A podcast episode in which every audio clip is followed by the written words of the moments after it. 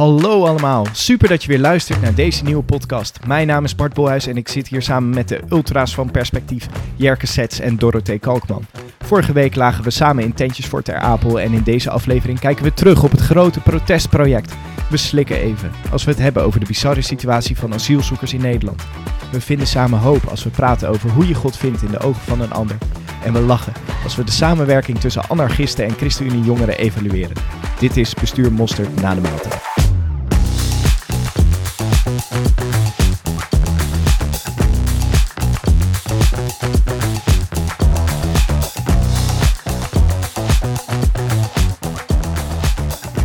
Right, eh, een speciale editie van Bestuur Mosterd na de maaltijd. Eh, we zitten hier namelijk met ehm Jerke Zets en Dorothee Kalkman, ook wel bekend tegenwoordig als de Martin Luther King en de moeder Teresa van Perspectief.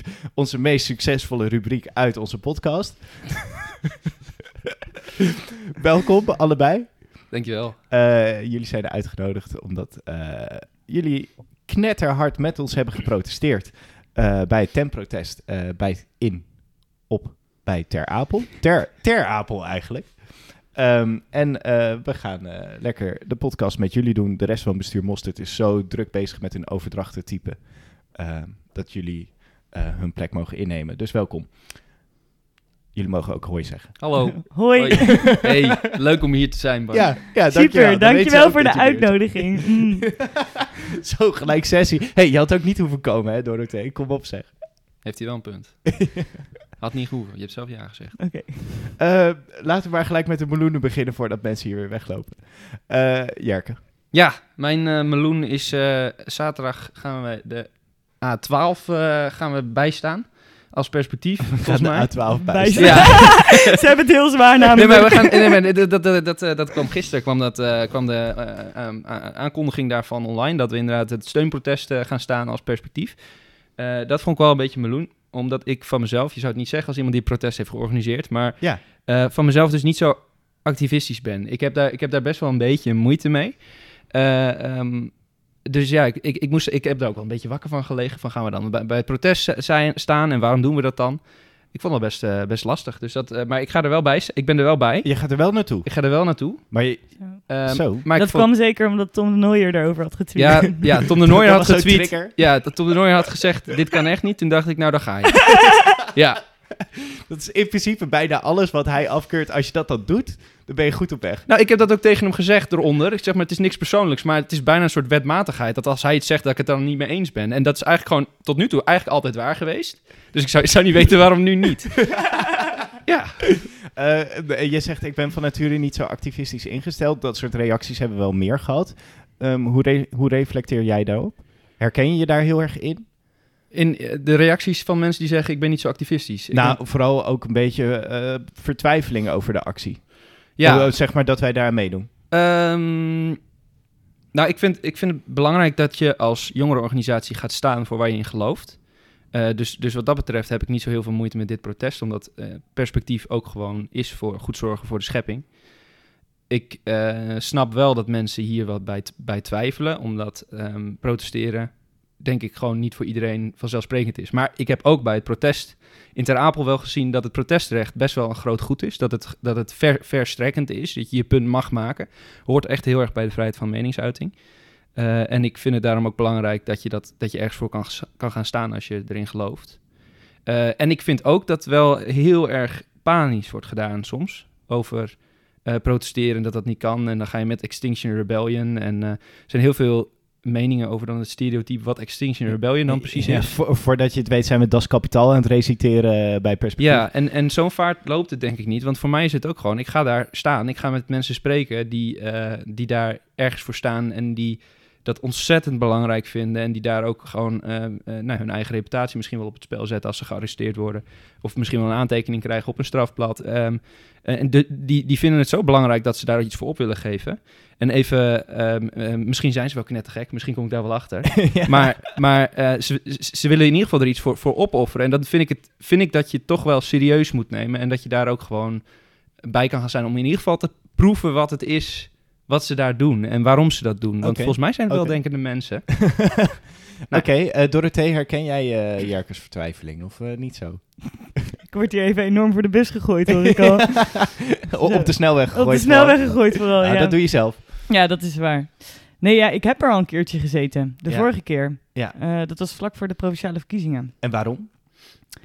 Ehm, ik vind dat Extinction Rebellion echt een hele goede visie heep- heeft op, eh, op hoe er om moet worden gegaan met klimaatverandering. Ehm, en ik vind ook dat ze een punt hebben dat er al zo lang aan getrokken wordt via allerlei ehm, nou ja, wegen, via discussie, via proberen via de relatief normale wegen aan te kaarten. En dat lukt gewoon niet. Of de snelheid daarvan gaat gewoon niet snel genoeg. En ik vind dat ze een hele mooie manier hebben gevonden om dit nu wel aan te kaarten. Want mensen zijn er geïrriteerd over. Nou, dan weet je dat je ergens iets geraakt hebt. Ja. En eh, ja, daar ben, ben ik het enorm mee eens. En, en wat vind je er dan van dat mensen zeggen: Oh, eh, ja, maar de, eh, mensen kunnen nu niet naar hun werk eh, door zo'n protest. Doe, doe het gewoon op een Malieveld, doe het op een andere manier. Eh, protesteren prima, maar eh, niet het- zo irritant. Het was heel grappig, want ik zat met mijn broer zat ik op de snelweg de vorige keer. Ja. En mijn andere broer was op weg naar zijn werk in de file door ons. en dat wisten we allemaal niet van elkaar. Dus op een gegeven moment stuur ik een selfie van met mijn broer in onze familie-app. En hij stuurt zo, oh, dat zijn jullie! Continent op! maar ehm, nee, dat was heel mooi. Maar ehm, ik heb daar niet heel veel boodschap aan, want de... Ja, een beetje, een beetje flauw gezegd, maar die snelweg staat over 30 jaar toch onder water als we hier nu niks aan doen. Eh, het is een beetje kort door de bocht en ik weet dat er maar haken en ogen staan. Maar, Ik vind het een van- feilloze argumentatie. maar in principe denk ik van, dit probleem is wel dusdanig groot dat als jij nu gaat zeiken over jouw werkdag die niet door kan gaan, dan vind ik niet dat je de urgentie helemaal ervan hebt begrepen. Oké, helder. Helder, klare taal. Maar dus eh, wel een meloenetje om door te slikken. Even een drempeltje om over te gaan voor Jerken. Ja. Eh, maar het is een meloenetje die je wel gaat overleven, denk ik. Ik Eh, denk het hopelijk. Ja. We zullen het merken of je nog terugkeert naar zaterdag. Eh, uit de gevangenis of zo. Ehm eh, Dorothee, jij had ook een meloen. Ja, best wel een grote ook, ja. Ja. ja. Vertel. En die zat ook wat meer in de persoonlijke sfeer, maar ehm, ook wel een beetje beleidsmatig. Ja. Ehm, ik hou me veel bezig met eh asiel en migratie, daarom zit ik hier ook. Maar ehm, ik werk ook in het, of bij het AZC in Utrecht. En een eh, collega van mij die eh, in het AZC woont en in de procedure zit, die werd van de week opeens overgeplaatst. En ehm, ik denk dat iedereen wel een beetje de verhalen kent, maar het was heel gek om dat van dichtbij mee te maken. Dus het COA die zegt dan van de een op de andere dag zeggen ze, eh, jij gaat nu naar die locatie. En dat kan echt aan de andere kant van Nederland zijn. Dat was nu, nu niet het geval, dat scheelt al een hoop. Maar die eh, man heeft nou ja, de afgelopen, het afgelopen jaar, geloof ik, ehm, zijn bestaan hierop gebouwd, is cursus gaan volgen, vrienden gaan maken. Echt ook eh, echt hard zijn best gedaan om mee te gaan draaien in de samenleving. Ja. En dan word je van echt de ene op de andere dag wordt gezegd, je gaat weg en dat gaat over een paar dagen gebeuren. Dus je moet binnen een paar dagen opeens je werk inlichten, je vrienden inlichten en je, en je bent weg.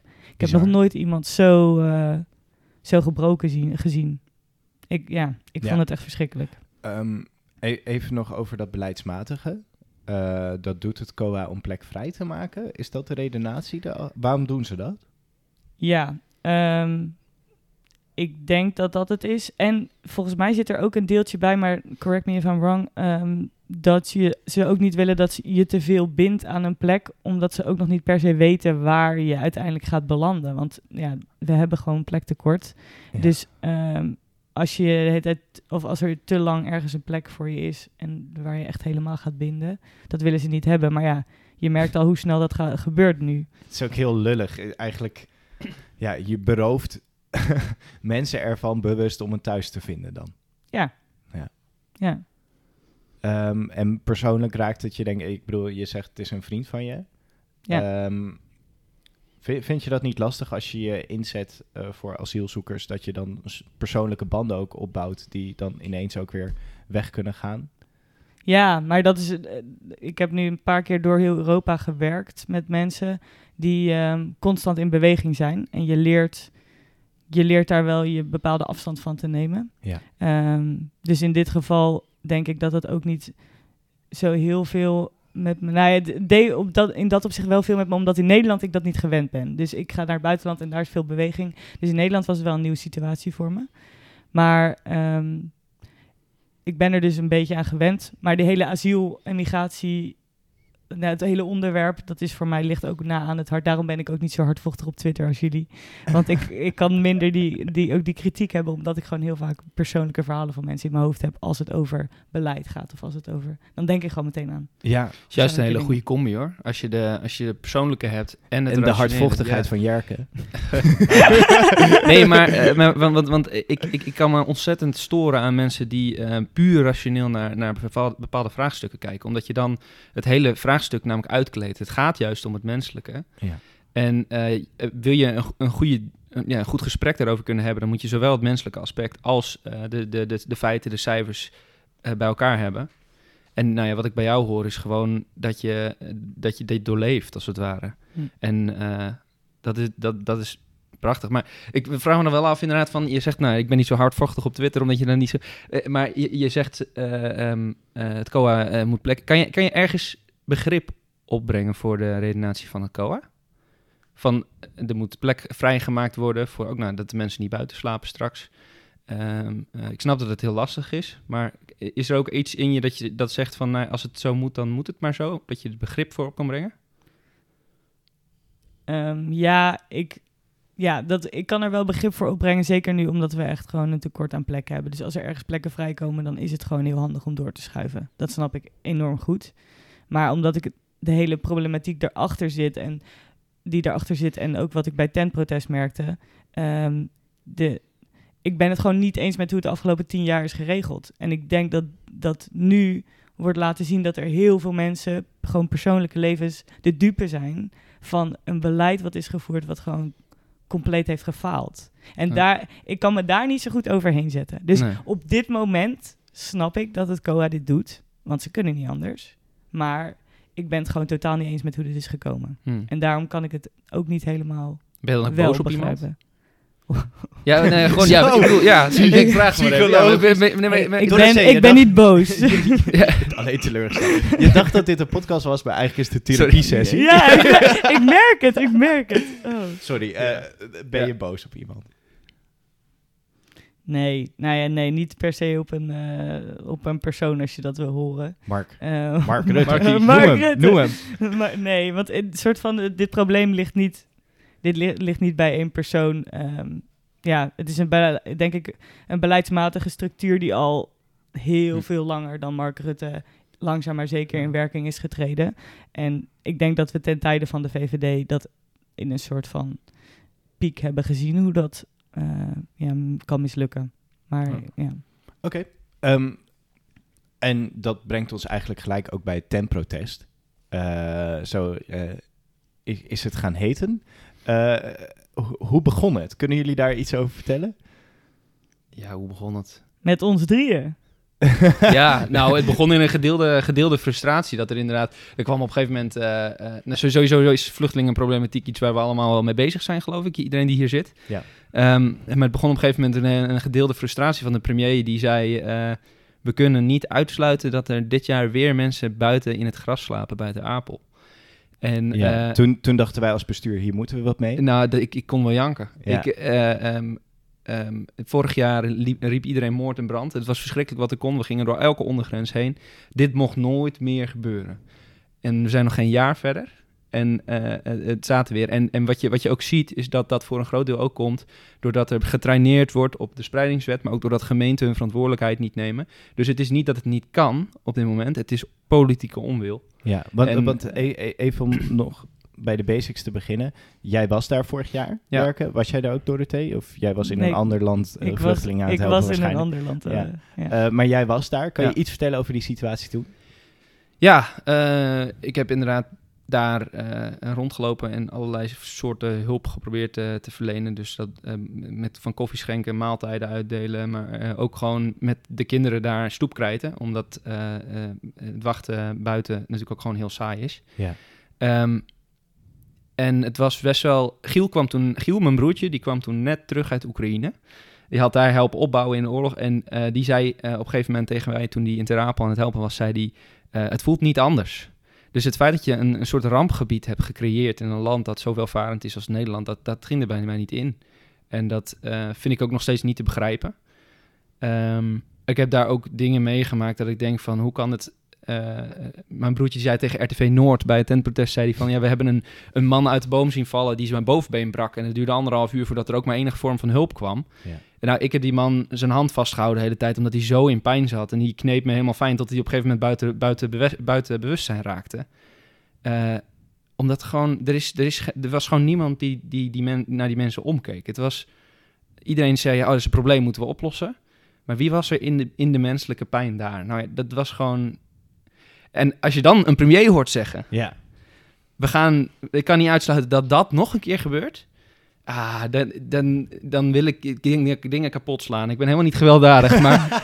oh, als er een kop... Dat is, nou ja, goed. eh, een kopje stuk, stuk gooien tegen de muur of zo. Maar... eh, nou, zo begon het eigenlijk. En dat, die, dat- volgens mij deelden we met z'n allen die frustratie van hoe, Ja, hoe kan je dit in zeker. vredesnaam zeggen? Toen, toen ontstond er een appgroep eh, met de titel Welke snelweg moeten we gaan blokkeren? Ja, Oeh, pijnlijk puntje, pijnlijk puntje.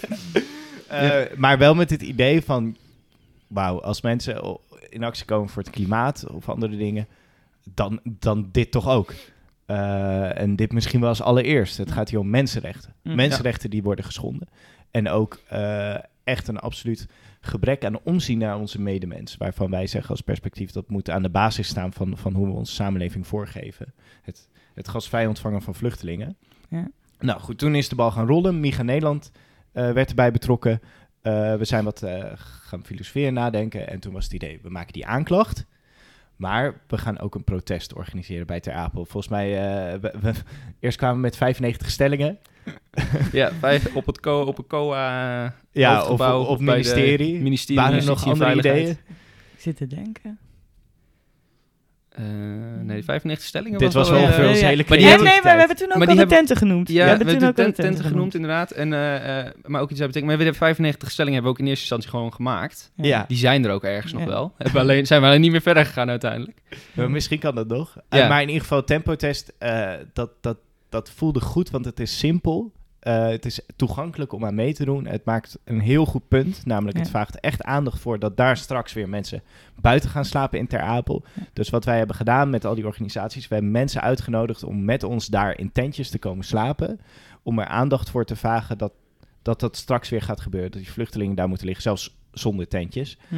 Ehm, onder de titel Tempotest en onder de slogan Nooit meer slapen. Nooit meer meer buiten buiten slapen. slapen. Nooit meer Nou moet ik zeggen dat we niet heel goed hebben geslapen die nacht. Maar nooit meer slapen is ik, wel... ben, ik ben in de war van alle bewerkingen op, op die slogan al. Eh, alright, en ik dacht laten we het een beetje door, doorlopen eh, hoe dat is gegaan. Want jullie hebben meegemaakt, eh, een beetje leuke verhalen, maar ook eh, bijzondere dingen. Eh, even denken, jullie, ik zat eh, in Jens heel hard te cruisen. Toen waren jullie er al. Eh, wij reden over de Hunebed Highway in Drenthe. Wat een schitterende naam voor, voor een snelweg. Ja, En toen waren jullie er al. Of eigenlijk als eerst waren er daar de Dixies. ja. ja, de Dixies die kwamen in de ochtend al. Ik had namelijk eh, Dixies, wc, ik had wc's gehuurd. Eh, want ja, je moet ergens kunnen plassen. Dat is wel belangrijk. Ja. Ehm, en ik had gezegd, we zijn daar pas om zes uur 's avonds. Dan zijn we er pas. Dus dan moet die gebracht worden. Eh, en, en vervolgens, ik, werd, ik was net wakker. eh, al half acht of zo was ik wakker. En om acht uur werd ik gebeld door de chauffeur van de Dixies. En die belt, die belt mij en die belt mij en die zegt... Ja, ik sta er. Waar moet ik ze neerzetten? Ik zeg, pardon? ik zeg... Want, want, want, want eh, ik, ik zat gelijk in. Ga je dan die Dixies, ga je daar gewoon in- in Ter Apel gewoon een, een halve dag onbeheerd neerzetten? ik dacht, die Dixies zitten al vol straks als we aankomen. Maar goed, dus die waren er als eerst. Eh, Ja. eh, en toen, ik was er om, eh, ik was er inderdaad om zes uur, was ik als eerste. Ik moest RTV Noord eh, te woord staan, omdat Jens druk had met de andere dingen, inderdaad. zo druk. Dus moest even ja, want, Met eh, iemand die zijn tent niet had meegenomen naar een tentprotest. Ja. ja, het- Wie dat was het ook alweer? Ja, ik heb was geen idee. Eén detail. Ik, hey, ik wou er gewoon één kopen. En ik was er gewoon ook vanuit gegaan van... Oh, dan koop ik wel ergens een Amersfoort tentje. Wat, wat is de moeite? En toen vond ik, kwam ik erachter dat tenten gewoon 300 euro kosten bij de Bever. Voor de mensen die meeschrijven, eh, Bart Bolhuis heeft dus een tentprotest georganiseerd en die had geen Zonder tent, meegenomen. Zonder tent. Gelukkig waren er gulle Drenten die voor mij een tent over hadden. En voor Jens. hey, ik wil Jens dan ook mee voor de bus leggen. Hè? Ik bedoel, hij had er ook geen. Laten we even eerlijk zijn. Eh, ehm, maar eh, hadden een beetje een taakverdeling. Eh, Jerke, jij was chef. Praktisch, eigenlijk. ah, ja, dus eigenlijk, dus, ehm, alles, alle praktische dingen die geregeld moesten worden. Ja. Maar ook eigenlijk alles wat niemand anders oppakte. dat was een, beetje, was een beetje de vliegende kip van de actie. Ja, eh. super. En Dorothee, jij was Woordvoerder voor de gemeente Westerwolde. woordvoerder voor de gemeente Westerwolde. Ben je vaak gebeld? Heb je vaak gebeld? Ja, wellicht wel meer met Jerken nog dan met de gemeente zelf. Want dan moest ik weer allemaal dingen gaan doorgeven Ja. en doorspelen. Jij En, was eh, eigenlijk woordvoerder naar Ja. Dorothee Nou, ja, maar het was heel fijn. Ja. Het was heel fijn, want eh, ehm, daardoor kon ik... Want het duurt heel, altijd heel lang om contact met dit soort organisaties te hebben. En ik kon gewoon inderdaad haar zeggen wat ik nodig had. En dan ging zij het wel rustig uit, uitpraten met de gemeente. Wat het dan... En op een gegeven moment heb ik er een hele moeilijke opdracht gegeven. Namelijk, hey, de gemeente heeft ons verboden om tentharingen te doen. En je moet even aangeven dat we daar niet mee akkoord gaan. Eh, en, en, eh, eh, en maar toen had zij dus al helemaal met, met, die, met, die, met die man een, een band opgebouwd en zo. En, en toen moest zij dus hem gaan vertellen dat wij dus de, de, dat, niet, dat niet wilden. Ehm, nou ja. En ze, Hoe- ze hoe- vertelde hoe me later dat? ook nog dat ze belangst heeft. Dat, dat, dat, dat, dat- dat- belangst, gewoon... En dat vertelde ze me pas nadat het dus allemaal was gebeurd. Ze had al uren met, die, met mij en met die gemeente aan de telefoon gehangen. Onze woordvoerder met belangst. Hoe, hoe heb je dat beleefd, Dorothee? ah, ik dacht gewoon, dit is echt een mooie kans om er vanaf te komen. dus, eh, nou, en Jerke die belde te pas en te onpas. Dus toen was ik al een beetje gewend. En toen dacht ik, nou, die gemeente kan er ook nog wel bij. Ja. Ehm, Wat vond die man Maar- ervan dat je zei? Nou, die was dus... Ik vond hem relatief heel, eh, heel gewillig eigenlijk. Die, die, eh, die moest... Ik had een beetje het idee dat hij een beetje moest vragen over bepaalde dingen die wij in onze eh, protestaanvraag hadden gedaan. Of niet aanvraag, kennisgeving. Ehm, dat hij een beetje moest vragen over bepaalde dingen, maar hij was heel snel tevreden met een antwoord. Dus dat was heel nice. En eh, hij kon ook helemaal begrijpen wat we gingen doen. Dus toen ik ook meldde van die tentharing dat we daar toch niet mee in akkoord gingen, toen was er zo van: Oké, ja, eh, we hebben al de veiligheidsrisico's ervan besproken, dus oké. Ik denk, ik denk dat het misschien ook wel hielp dat Amnesty International eh, ook dit protest heeft gemonitord. En ook mee heeft gekijk- gekeken naar wat mag wel, wat mag niet. En wat zijn onze rechten ten opzichte van de gemeente. En dat de gemeente zich ook heel lerend heeft opgesteld. En gezegd, oké, maar als er een organisatie is die zoveel kennis en kunde heeft... eh, dan, willen we, dan willen we daar ook van leren. Ja, Eh, cool. En dat was ook wel vet. Ik denk dat dat ook wel heeft geholpen in de, in de woordvoering. En dat er, dat er ook wel voor zorgde dat de gemeente wel open stond. eh, Ja, voor dit protest. want dat, dat, vind- dat doet me gelijk denken aan het volgende punt. Toen wij aankwamen rijden, stond daar echt...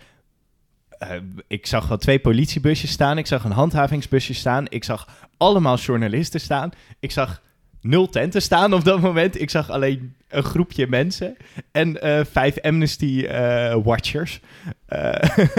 wat wel een hele unieke situatie was. Ja. Ook wel heel vet. Maar Ja. er stond dus echt heel veel media. Hm. Eh, toen gingen we de tentjes opzetten. En eh, toen gingen ze ons allemaal interviewen. Ja, ja. Ja, maar iconische foto staat nog... eh, ja, Maar eigenlijk- Bolhuis zitten in zijn tent. ja eigenlijk, maar, maar zoals jongeren eigen is, was natuurlijk de helft te laat. Dus het men, die, die media was er en toen waren de helft van de tenten nog niet opgezet. Want al die mensen waren allemaal te laat. Dus eigenlijk was het pas later, toen de media alweer weg was, toen al die beelden al waren geschoten. Toen kwam pas echt een kamp, een kamp, een kamp sp- ontsprong, zeg maar. ja, we moeten voortaan gewoon tactisch de ja, gewoon drie uur er zijn, jongens. Gewoon, Studentenkwartiertje studentenkwartiertje. drie uur. Alleen dan de media anders inlichten. Wat ik Ja. ook wel grappig vond. Op een gegeven moment kwam die NOS-meneer naar mij toe. Eh, ja, we gaan eh, zo eh, Jens eh, interviewen. Maar dan moeten jullie maar even met zo'n spandoek erachter gaan staan. Dat vond hij eigenlijk best wel mooi. En eh, jullie hebben daar echt, het heeft echt iconische foto's opgeleverd. Jens die een interview gaf aan de NOS. En eh, jullie die daarachter stonden met het spandoek nooit meer buiten slapen. Ik verwacht die foto nog wel hier zo heel groot aan de Zeker, muur. zeker, zeker. Dat, dat, dat, Gedrukt in aluminium. dat, dat lijkt me echt een heel goed plan. het was ook, Jens ging geïnterviewd worden en toen werd hij gebeld door een een of andere handhaver. eh, en hij gaf gewoon die telefoon aan mij. Van, yo, ik word gebeld, kan jij hem even nemen? Dus ik neem die eh, telefoon op. Eh, was man, ik weet nog steeds niet hoe of wat het zit. Hij zei, ja, jullie mogen daar helemaal niet staan, joh. Ik zo, nou, eh, volgens mij eh, hebben we gewoon eh eh vergunning aangevraagd. Ja, nee, maar eh, jullie staan helemaal niet goed en jullie moeten verplaatsen. Ik zeg, nou, geen idee. En hij ging maar door. Maar Ja. ik dacht, ja, ik heb hier ook geen zin in. Dus ik zei, ja, nou, anders moet u gewoon maar even hier naartoe komen. Dan hebben we het er wel over. Nee, nee, maar jullie moeten nu weg. Ik zei, nou, ik, ik snap het niet, meneer. Ik, Dag, ik, meneer. ik begrijp er echt niks van. Eh, als u iets wil zeggen, dan moet u maar hierheen komen. Ja, Ja, ja, jongen, jongen. En toen, toen was het gesprek klaar. Ik weet nog steeds niet wie dat was. Nee, ik ook niet. Ik heb er niks van gehoord ook. Dat, Nee. eh, maar misschien, eh, want er was natuurlijk, we hadden twee plekken links en rechts van, de, van de ingang. En links van de ingang mochten we niet staan van de gemeente, omdat het COA-grond was. Terwijl Eh. dat wel echt een veel mooier gasveldje Ja. is. En nou is het zo dat het binnen het protestrecht mag je in principe gewoon op openbaar toegankelijke plekken staan. Maar omdat wij een kennisgeving hebben gedaan aan de gemeente en niet aan het COA zelf, eh, was het wel terecht dat we daar niet mochten staan. Dus er zijn nog een paar mensen die hebben het wel geprobeerd. Die hebben een tentje daar proberen op te zetten. Maar die werden weggestuurd, werden gevorderd door de politie. Ja, die mogen was, ook, die was ook voor weinig eh Ja, die was heel streng. vatbaar. Ja, ja, Ja? maar goed, Ik, had, ik had het ook al wel gezegd. Van, eh, ehm, eh, ja, we hebben gewoon geen kennisgeving gegeven voor dat stukje. En de volgende keer eh, moeten we dat gewoon wel doen. En dan moeten we kijken eh, als er een volgende keer komt. Maar dat. eh, maar. ehm, nee, maar dus dat was, dat, dat was interessant. Maar ik, sowieso de handhaving. Want op een gegeven moment was er ook een handhaving. Haver. We hadden de auto's, die moesten we parkeren. Ook op het terrein. Maar we mochten van die handhaving dus niet over het fietspad. Maar, want dat was voor fietsers. Ja. Maar ik had dat gewoon afge... Ik had dat gewoon in de, de, de kennisgeving had ik gewoon gezegd dat dat onderdeel was van onze demonstratieplek. Dus wij mogen daar vanuit het demonstratierecht gewoon met onze auto's overheen en die parkeren, want dat hoort bij de demonstratie. En toen kwam die handhaver en die ging elke keer ging die dreigen dat hij boetes geef, ging geven aan iedereen. En dan reed hij zelf ook over het fietspad, zo keihard erachteraan. en dan moest ik elke keer De tussen... hypocrisie. En dan moest ik elke keer tussen beiden komen. En dan zeg je, nee, maar ik had hem nog niet... Hij, hij komt net binnen, dus ik had hem nog niet verteld dat hij niet over het fietspad mag. Maar dat was prachtig, want we hadden de, natuurlijk hadden wij ook gewoon de gemeenteraad even ingelicht. Die had ik even belangsgebeld, allerlei raadsleden. Gewoon omdat ik... Ik ben zelf ook raadslid in Assen. Als er zo'n protest zou zijn in mijn stad, zou ik het fijn vinden om op de hoogte gesteld te worden. Dus nou, Ja. vanuit dat perspectief had ik die raadsleden bij langs gebeld. En er was dus op een gegeven moment was er één raadslid van GroenLinks. En die was langsgekomen. En die zag dat. En eh, ik zei, ja goed, ja, dit is gewoon protestgrond, dus wij mogen hier gewoon rijden. Maar hij vindt het heel moeilijk. Ja, en ik ga, ik ga ook niet eh, heel moeilijk tegen hem doen, want ik heb hem wel nodig eh, vanavond. Want hij moet ook zorgen dat er hier orde en veiligheid is rond, in, in en rond dit protest. En toen zei hij, oh, ik ga wel even met hem praten. En die liep er vol bravoure, liep hij naar die handhaver. En die heeft even gevraagd, nou, wat ben je aan het doen? En, wat, en die handhaver heeft ons de hele avond niet meer lastig gevallen. Dat was prachtig. Gesensibiliseerd door de GroenLinks-raadslid Ja. van, de, van de gemeente. Maar Wat de, de handhaving midden in de nacht. Oh, dat was schitterend. dat- Dat was schitterend. Ja, laten we daar even naartoe gaan. Wij zitten daar gewoon te chillen. Wat is het? Drie uur, vier uur? ja. Nee, het was half vijf. Half vijf. Ja, het was half vijf. dat was Ja. Steeds later. Zeven uur. Nee, het was echt half vijf. En toen eh, komt er zo'n busje van handhavers. Nou, die waren zich volgens mij ook gewoon aan het vervelen. Maar Ja. niet alleen dat, die, die waren dus al 15 uur aan het werk. Ja, dat is echt Nee. Ja, want die, Ja. waren er, die waren al 's middags om één uur begonnen. En wij kwamen ze dus om vier uur s'nachts tegen. Ja, schitterend. Maar die kwamen daar gewoon even chillen. En op een gegeven moment kregen wij een discussie, want we zagen een of ander beest lopen. Nou, grote discussie. Is het een steenmarter of is het een kat? Wij wisten het niet. ja, ik, was, er- ik stond er tamelijk eh, vierkant in. Het was een steenmarter. Eh, maar vervolgens eh, gooit, gooit die- handhaving gooit zo zijn laserlicht eh zo paf, vol op dat beest. Ergens daar zo in de struikjes. We hebben hem ook helemaal de straat uit zien lopen. Hè? Dus Ja. we hebben hem de hele tijd gevolgd inderdaad. Met, die, met, die, met dat zoek, zoeklicht van die handhaving. Die volgde die kat elke keer. Het was een kat ook. ja. En vervolgens zie Het was ik geen steenmarter, even voor de duidelijkheid. En vervolgens zie ik Giel zo, eh, jouw broer Jerke, zo sprinten naar die andere kant van de weg. En die gaat er zo staan met zijn armen zo wijd gespreid. En opeens gooit die handhaver zo baf, zo die licht, lichtbalm zo op hem. Waardoor hij daar echt als een soort van, nou, ik dacht, ik dacht gelijk aan de Passion. Ja, ja. Ja, ja, ik, dacht, ja. ik dacht ook, hij gaat zingen zo. Maar dat... eh, een soort musical moment. Ja, een musical. moment. Ah, dat was schitterend. Dat was echt schitterend. Ehm, maar goed, eh, uiteindelijk die avond, eh, de media-aandacht was geweest. Nou, echt hartstikke veel. Eh, ik, ik kwam op een gegeven moment naar eh, Jens toe. Ja, ze vragen mij de hele tijd om geïnterviewd te worden in de tent. En dan moet ik even jouw luchtbed opblazen. Dus inmiddels is je luchtbed opgeblazen. Mm. Eh, en, praktisch. en toen de media ging weg en toen hadden we meer een momentje met onszelf. Eh, kunnen jullie daar iets over vertellen? Verschillende mensen gingen wat zeggen. Ja. Ja, nou, er waren een aantal sprekers. We begonnen natuurlijk met een spreker van iemand die zelf ehm, ja, het proces heeft doorgemaakt. Eh, Ja, iemand die daar vorig jaar had ja, gelegen. Hij had Ja. gelegen, ja. Ja, eh, en dat, was, dat, was heel, dat voelde ook heel goed dat we daarmee begonnen. Eh nou, vervolgens waren er wat sprekers van, van Migrate. eh, ehm, eh, toch ook wel een wat meer activistische organisatie dan, eh, dan wij, denk ik. Eh, in de zin dat zij echt voor open grenzen zijn en eh, helemaal... eh, Ehm, en, en die gingen ook op een gegeven moment leuzen schreeuwen. En daar voelden sommige perspectieven zich wat makkelijker, gemakkelijker bij dan anderen. ik kan zeggen dat ik, dat ik daar wel enig ongemak voelde. Wat ik net zo ook, ook zei, ik ben dus niet zo heel activistisch van mezelf. Dus ik voelde dat, vond dat een beetje ongemakkelijk. Tegelijkertijd dacht ik ook, ja, we staan hier met zoveel verschillende mensen achter hetzelfde doel. Dus ja, ik vind het... eh, Voor hun was dat, dat protest ook niet compleet geweest als ze wat leuzen Nee. als ze geen leuzen hadden geschreeuwd. precies, dus ik kon het wel... eh, Hoe werden ze genoemd ook alweer? Eh, beroepsdemonstranten? ja, ja. beroepsdemonstranten en anar- anarchisten. ja. Maar eh, eh, Ja, die anarchisten die kwamen later naar boven. Want eh, iemand van ons die wilde graag nog een gebed bidden. En eh, toen werden de anarchisten Ja. een beetje Die, ongemakkelijk. nou, ongemakkelijk. Die werden ronduit eh, wild. Die eh, eentje oh, liep waar er is dit helemaal nou weg. voor nodig? Ja. Waar is dit nou voor nodig? Ja, iemand liep zelfs weg, hè? Die Ja. zei, dit kan ik niet aan. Die liep weg. Ja. Heeft wel een mooie gesprekken opgeleverd Ja, trouwens. Ja, ja, Ja. naar de hand. En, en ook dat is wel, eh, vind ik, ja, ik, ik vond het fantastisch dat die groepen bij elkaar komen, dat Ja. we daar een gesprek over kunnen hebben. Zij Ja. zien het geloof heel erg als eh, het grote patriarchale Ja. ehm, eh, dwangmechanisme. Ja, Ja. ND heeft er nog in een ra- rapportage, heeft het ND daar ook heel, heel goed eh, eh, neergezet eigenlijk wat er was. Want, zij, want wat hij zei was van, ja, wij geloven als anarchisten niet in autoriteit. Ja. En God is gewoon de grote autoriteit. Dus dat, dat, dat, dat, dat, dat vinden we heel, heel moeilijk en heel lastig. Mm. Eh, eh, en eh, Terwijl ze aan de andere kant dus ook zeiden van... eh, christenen zijn wel een van de weinige partijen die nog met ons samenwerken wat betreft eh, vluchtelingenactivisme en Ja. eh, daarvoor opkomen. Dus ze hij zei ook, ik vind het super fijn dat jullie er zijn. En ik, hij, volgens mij zei er eentje ook nog van, eh, ja, ik schrok ook een beetje van mezelf dat ik zo heftig reageerde op dat er gebeden moest worden. Maar dat is gewoon mijn initiële reactie op dus zoiets ja, autoritairs voor zijn Ja. idee. Maar dat hij later ook er wel op in, terugkwam van dat hij het eigenlijk ook wel mooi vond. Maar eh, ja, dat, het, het raakte heel veel moeilijke dingen. Maar het maakte de volgende ochtend het wel leuk. Eh, even een sprongetje vooruit naar Ja. de volgende ochtend. Want er was dus deze, deze man die dus eh, het, het, het vervelend vond dat er werd gebeden en daar een beetje heftig op reageerde. Die was als een van de laatste, was hij pas uit zijn tent. En ik Ja. was op een gegeven moment, was ik mensen aan het wakker maken. Ik heb een box bij mijn broertjes tent neergezet met hele harde muziek heb ik hem eh, wakker gemaakt. Maar hij zat ook, dus die, mm, die man die daar zo moeite had met het gebed, die zat ook nog in zijn tent. Dus ik heb bij zijn tent ben ik gaan staan en ik heb gezegd, jongens we gaan even een ochtendgebed doen. en toen was hij er wel opeens uit. Ik weet niet... Ik weet niet of het door mij kwam, maar Hij wou er gewoon heel graag bij zijn. denk ja, ik denk dat hij het ochtendgebed, dat hij daar heel graag... ik eh, niet missen. maar ja, ik vind dit heel tof. Eh, er kwam ook nog eh, iemand van de jonge socialisten naar mij toe. Die zei, ja, ehm, ik zat te denken over... Hij was dan zelf moslim. En hij zei over dat gebed... dat hij heel erg veel herkende. Hij, hij was het naar het Arabisch aan het vertalen. En toen zei hij, ja, eh, als wij hadden gebeden... dan hadden we hetzelfde gebeden eigenlijk. En dat vond ik ook wel heel uniek.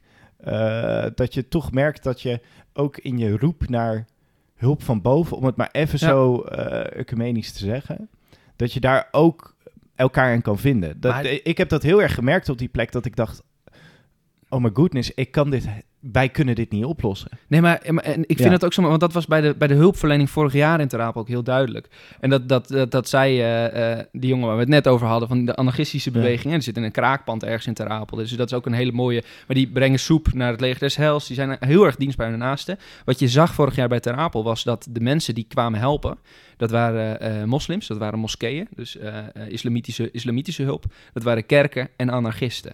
En eh, dat zijn drie totaal verschillende Mooi groepen. zooitje ongeregeld. Ja, maar Ja, het, is, het, is wel, het, is zo, het voelt zo krachtig dat je dus eh, zo, zulke verschillende mensen hebt die onderling toch zoveel overeenkomsten vinden. Ik, ik wil daar nog een verenigen. aan toevoegen, want er was ook nog een man die vertelde dat hij daar vorig jaar met een groep gehandicapten is gaan helpen. Ja, dat was... Ja. Ja, ja. Oh, dat, Ja. vo- dat vond ik toch zo fantastisch. Dat je, dat je ziet dat, eh, dat het in onze samenleving zo is gekomen dat ehm, mensen met een beperking, eh, of die uitgedaagd zijn, volgens mij is dat de goede manier om het te zeggen, juist de mensen zijn die zich ontfermen over migranten.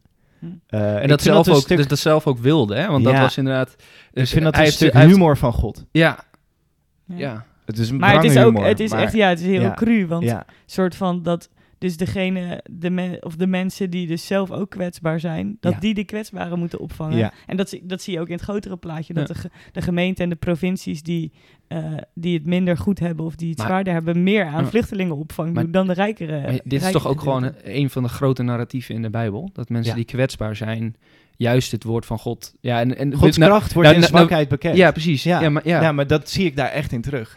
ja. En dat, en, en, eh, dat, vind ik ook wel. Kijk, mensen zeggen ook wel tegen ons van, nou, wat roepen jullie nou? En jullie zijn maar een klein PO'tje, waar slaat het nou op?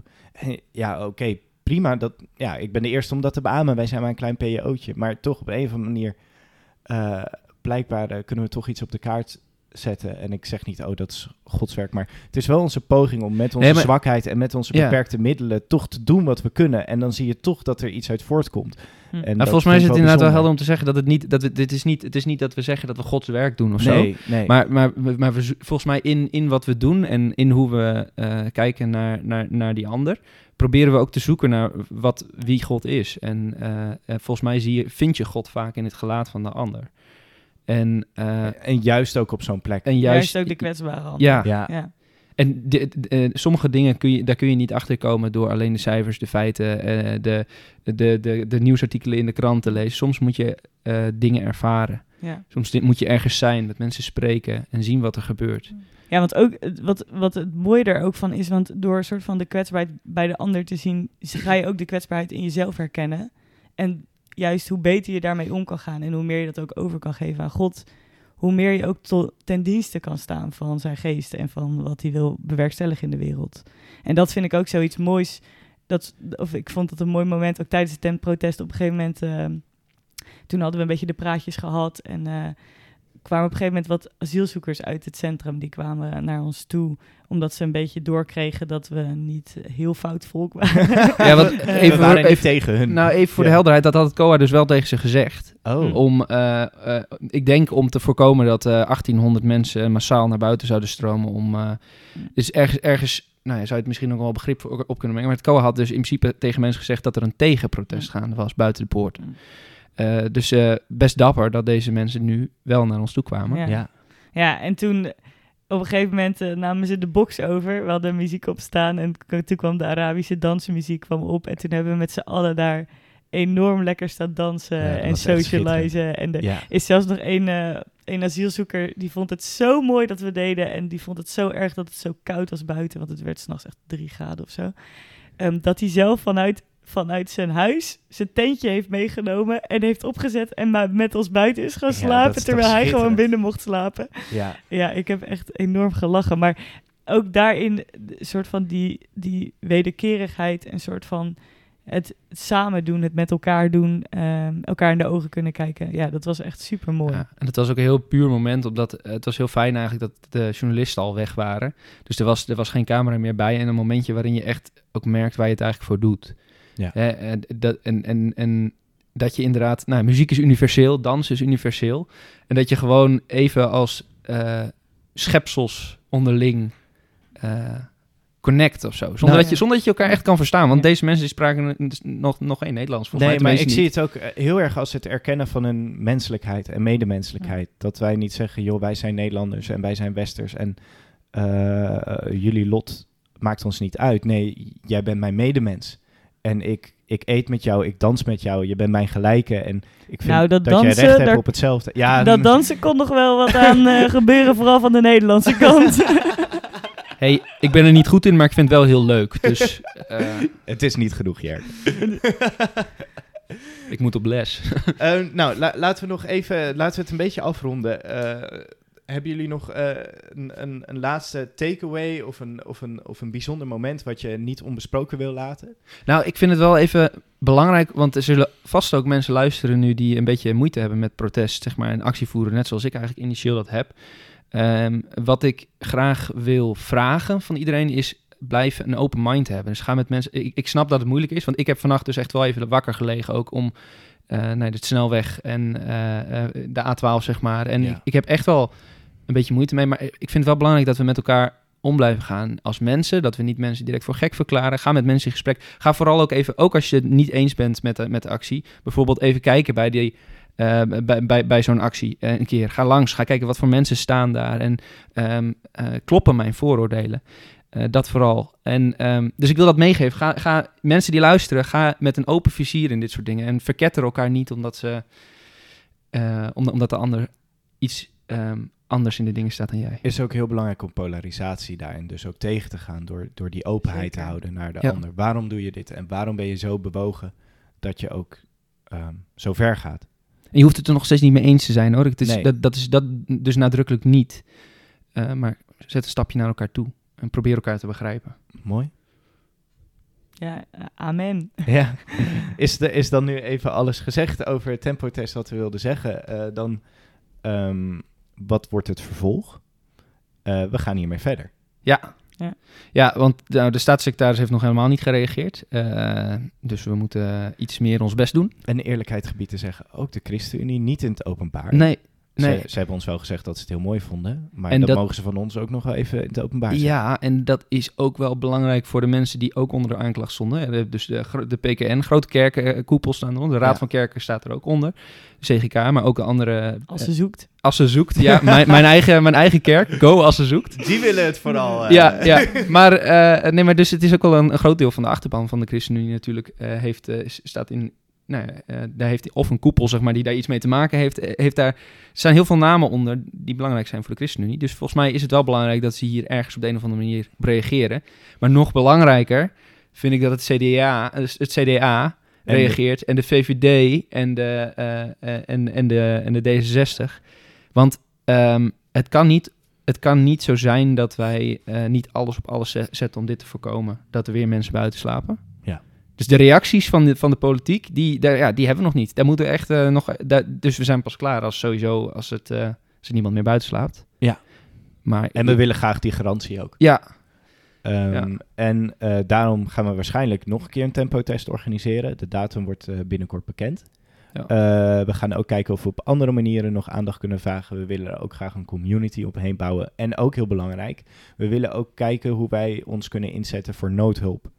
Eh, niet alleen de praatjes, niet alleen het protest, maar ook zelf de handen uit de mouwen. Ja. En we willen kijken op welke wijze wij persoonlijk, maar ook als perspectief daarin een rol kunnen spelen. Als er dan toch mensen buiten moeten slapen, dan voelen wij ook een bepaalde plicht om dan zelf eh, daar maar wat aan te doen, zolang de overheid het laat afweten. Ja. Dat is echt heel belangrijk, ja. En Ja. volgens mij kan je ook wel via de site van Tent Protest... kan je je ook opgeven om in die community te komen. Ja, ja er is een Eh, eh, appgroep. ja. Eh, dus bij deze de uitnodiging aan iedereen, eh, join dat. ja, zeker. En ook als je nog vragen hebt of twijfels of weet ik veel wat, dan app ons. Of app Bart, want die... eh, Nee. die, App Jerken maar. ja, app, ja, mijn nummer is... eh, oh nee. Ehm, nou, dan gaan we even snel naar de agenda. Eh, 27 mei, inderdaad, eh, protesteren. Eh, wij doen mee aan het steunprotest, maar er is ook opwekking. Eh, daar zullen vast ook heel veel mensen zijn. Perspectief is daar ook zeker aanwezig. Je kan via Den Haag naar, naar opwekking. opwekking. Eerst even snelweg blokkeren, daarna de heerprijzen. Ja. Precies, precies. Het kan gewoon. Ehm, allebei, allebei aanbevolen eh, waar jij je fijn bij voelt. Laten we het lekker postmodern maken. Doe waar, doe waar jij je fijn bij voelt. Ehm, en ehm, dan 1 juli is er de soort van eh, bestuursvoordragsborrel. eh, waar ook eh, gedebatteerd zou worden door eh Nathaniel Post en ondergetekende. Ja, dat was, ik vond dat ook nog wel een watermeloen op de slik hoor. Dat jij eh, je voor voorzitter opga- of eh, kandidaat stelde. Vond je dat een meloen om te slikken? Zo slecht vooruitzicht. Ik, ik vind het ook een meloen om te slikken, maar eh, ik, ik hak hem in stukjes en dan komt het wel goed. ja, dan is het wel lekker. ik heb laatst dus, eh, ik had laatst een meloen gekocht, zo'n eh, zo'n groot. En eh, die had ik in, in stukken ge- gehakt en dan wou ik hem zo gedeeld over de week gaan opeten. Maar ik ben die laatste dus vergeten. Dus die heeft echt wekenlang eh, in, in mijn koelkast gelegen. En op een gegeven moment lag er zo'n bruine drap zo onder in de koelkast. Ik denk, wat, wat, wat de hek is dat nou? Dus ik dat schoonmaken. Ik denk, nou, het zou wel een bier zijn geweest of whatever. Kom ik terug, ligt het nog een keer daar en ook buiten de koelkast. Ik denk, nou, wat de hek. Blijkt dat dus die meloen te zijn die gewoon helemaal in elkaar geschrompeld. Ja, het is ook niet echt een heel interessant verhaal. Het Ja, is het een gewoon, topverhaal. Het is echt... Het is, eh, Ja. het is gewoon hoe ik mand. Ja. ja, lekker kort ook. Dat is een goed, goed verhaal. Goed. We gaan door naar de reclame. Leuk dat u luistert nog trouwens. Fijn dat u uw aandacht erbij hebt kunnen houden al die tijd. Ja, toch wel goed als je net zover bent gekomen in de podcast. Dan heb je respect. Hier was ik dus al zo lang bang voor dat ik gewoon een onzin verhaal zou gaan vertellen. En dit is het moment. Ja, het heeft wel lang geduurd. Ik ja, het heeft, zeggen, eh, ik, het- tot nu toe waren de podcasts nog best wel gewoon goede verhalen. telkens. Het- Ja. Maar wellicht dat jij dat gewoon een beetje losmaakt. Ja, precies. Ja, ik maak graag onzin in mensen los. Eh, ja. Oké, t- eh, 10 juni, eh, eh, 3 juni is de congres van de ChristenUnie. Eh 10 juni is... eh, Ook het congres van de VVD, toch? ja, dus als je lid bent van de VVD en je wilt het hebben over asiel en migratie, dan is dat je moment. Ja. Nou ja, vooral als je een bepaalde mening dan hebt over asiel Ja, en migratie. ja. Want ik denk wel dat veel VVD'ers het op zich daarover willen hebben. Nee, maar het is wel. Ik, ik weet ook dat binnen de VVD wel speelt. eh, want ook binnen de VVD vinden heel erg veel mensen dat het niet acceptabel is dat de mensen buiten slapen. Eh, die, dat geluid hoor ik zeker eh, binnen de VVD. Alleen binnen de VVD zijn ze ook van mening dat wij het fout zien, omdat wij, eh, eh, wij zouden tegen eh, instroombeperking zouden zijn. Maar dat is volgens mij niet waar. Volgens mij Nee. zeggen wij vooral, als je instroombeperking doet, dan moet je zorgen dat je de mensenrechten in de gaten houdt. Dus, eh, maar de, de lijn, ook van de Tweede Kamerleden van de VVD, is eh, D66 en ChristenUnie zijn niet realistisch. Maar jongens, het gaat hier niet om dat we niet de instroom willen beperken. Het gaat erom dat je verantwoordelijkheid neemt in de tussentijd. Dus als je een VVD'er bent, of een JOVD'er, in de, eh, en, en je hoort dit, ga lekker naar het congres. Ga het lekker hebben over asiel. En ga het vooral ook zeggen dat we Humane niet opvang. menselijke waardigheid, Ja. Eh, dat we daar niet over moeten onderhandelen. Precies. En dan ehm, maak ik even mijn agenda af, maar bedankt Ja. voor je eh, politieke rant. Ehm, Geen probleem. 10 juni. ja, 10 juni Focusdag, wees erbij. Eh 2 tot... Ruim hard. Kiespart. Eh 2 juli tot 9 juli eh, is de Taizé-reis. Of Nathanael. Je kan ook op Nathanael stemmen, Nathanael Post. Da- dankjewel, dat is wel voor de eerlijkheid goed. 2 juli tot 9 juli Taizé-reis, dat wil ik vooral even aanprijzen. Ga mee, het is daar echt fantastisch en eh, we gaan er een hele mooie tijd hebben. En ik zoek gewoon nog vrienden. Ehm, Story of his life.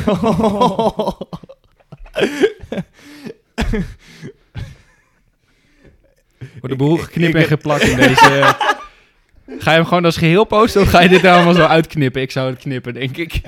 Het is Succes mijn- daarmee. Het is mijn luiheid die ervoor zorgt dat ik dit in het geheel ga posten. Oh, De profetie. Ik ga snel naar de profetie, dan kan ik het afronden. Eh Dorothee, had jij een profetie? Eh, je zei van tevoren niet. Ja, nou, iets in je ik, weet, ik weet niet of het een profetie is, maar ja, het is, of het is meer een soort eh horror scenario dat mensen dat mensen buiten Dat- moeten gaan slapen. Ja, Dat is de het, profetie. ja, Ja, het gaat gewoon ja, het gebeuren, gaat hè? gebeuren. Ja. Dus ja, Op zich, de 90% van de profetie in de Bijbel zijn ook horror scenario's. waar, dus ja. het is heel bijbels. ja.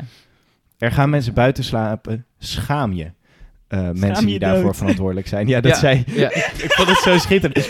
Wij nog een beetje van, nou, we willen wel dat protest ook constructief insteken en allemaal rustig. En Giel, jouw broertje, schaam je dood, zo vol op RTV Noord. Ja, maar. Giel, is, Giel kan heel goed met media praten hoor. Hij is alleen wat. Hij is, dus, hij is wel weer wat activistischer dan ik.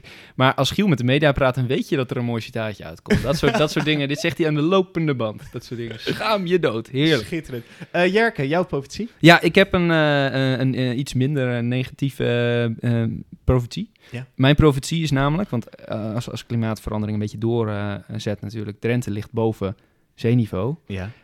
En dan, moet, dan moeten wij straks iedereen uit de Randstad welkom heten. En we zijn natuurlijk hartstikke gastvrij.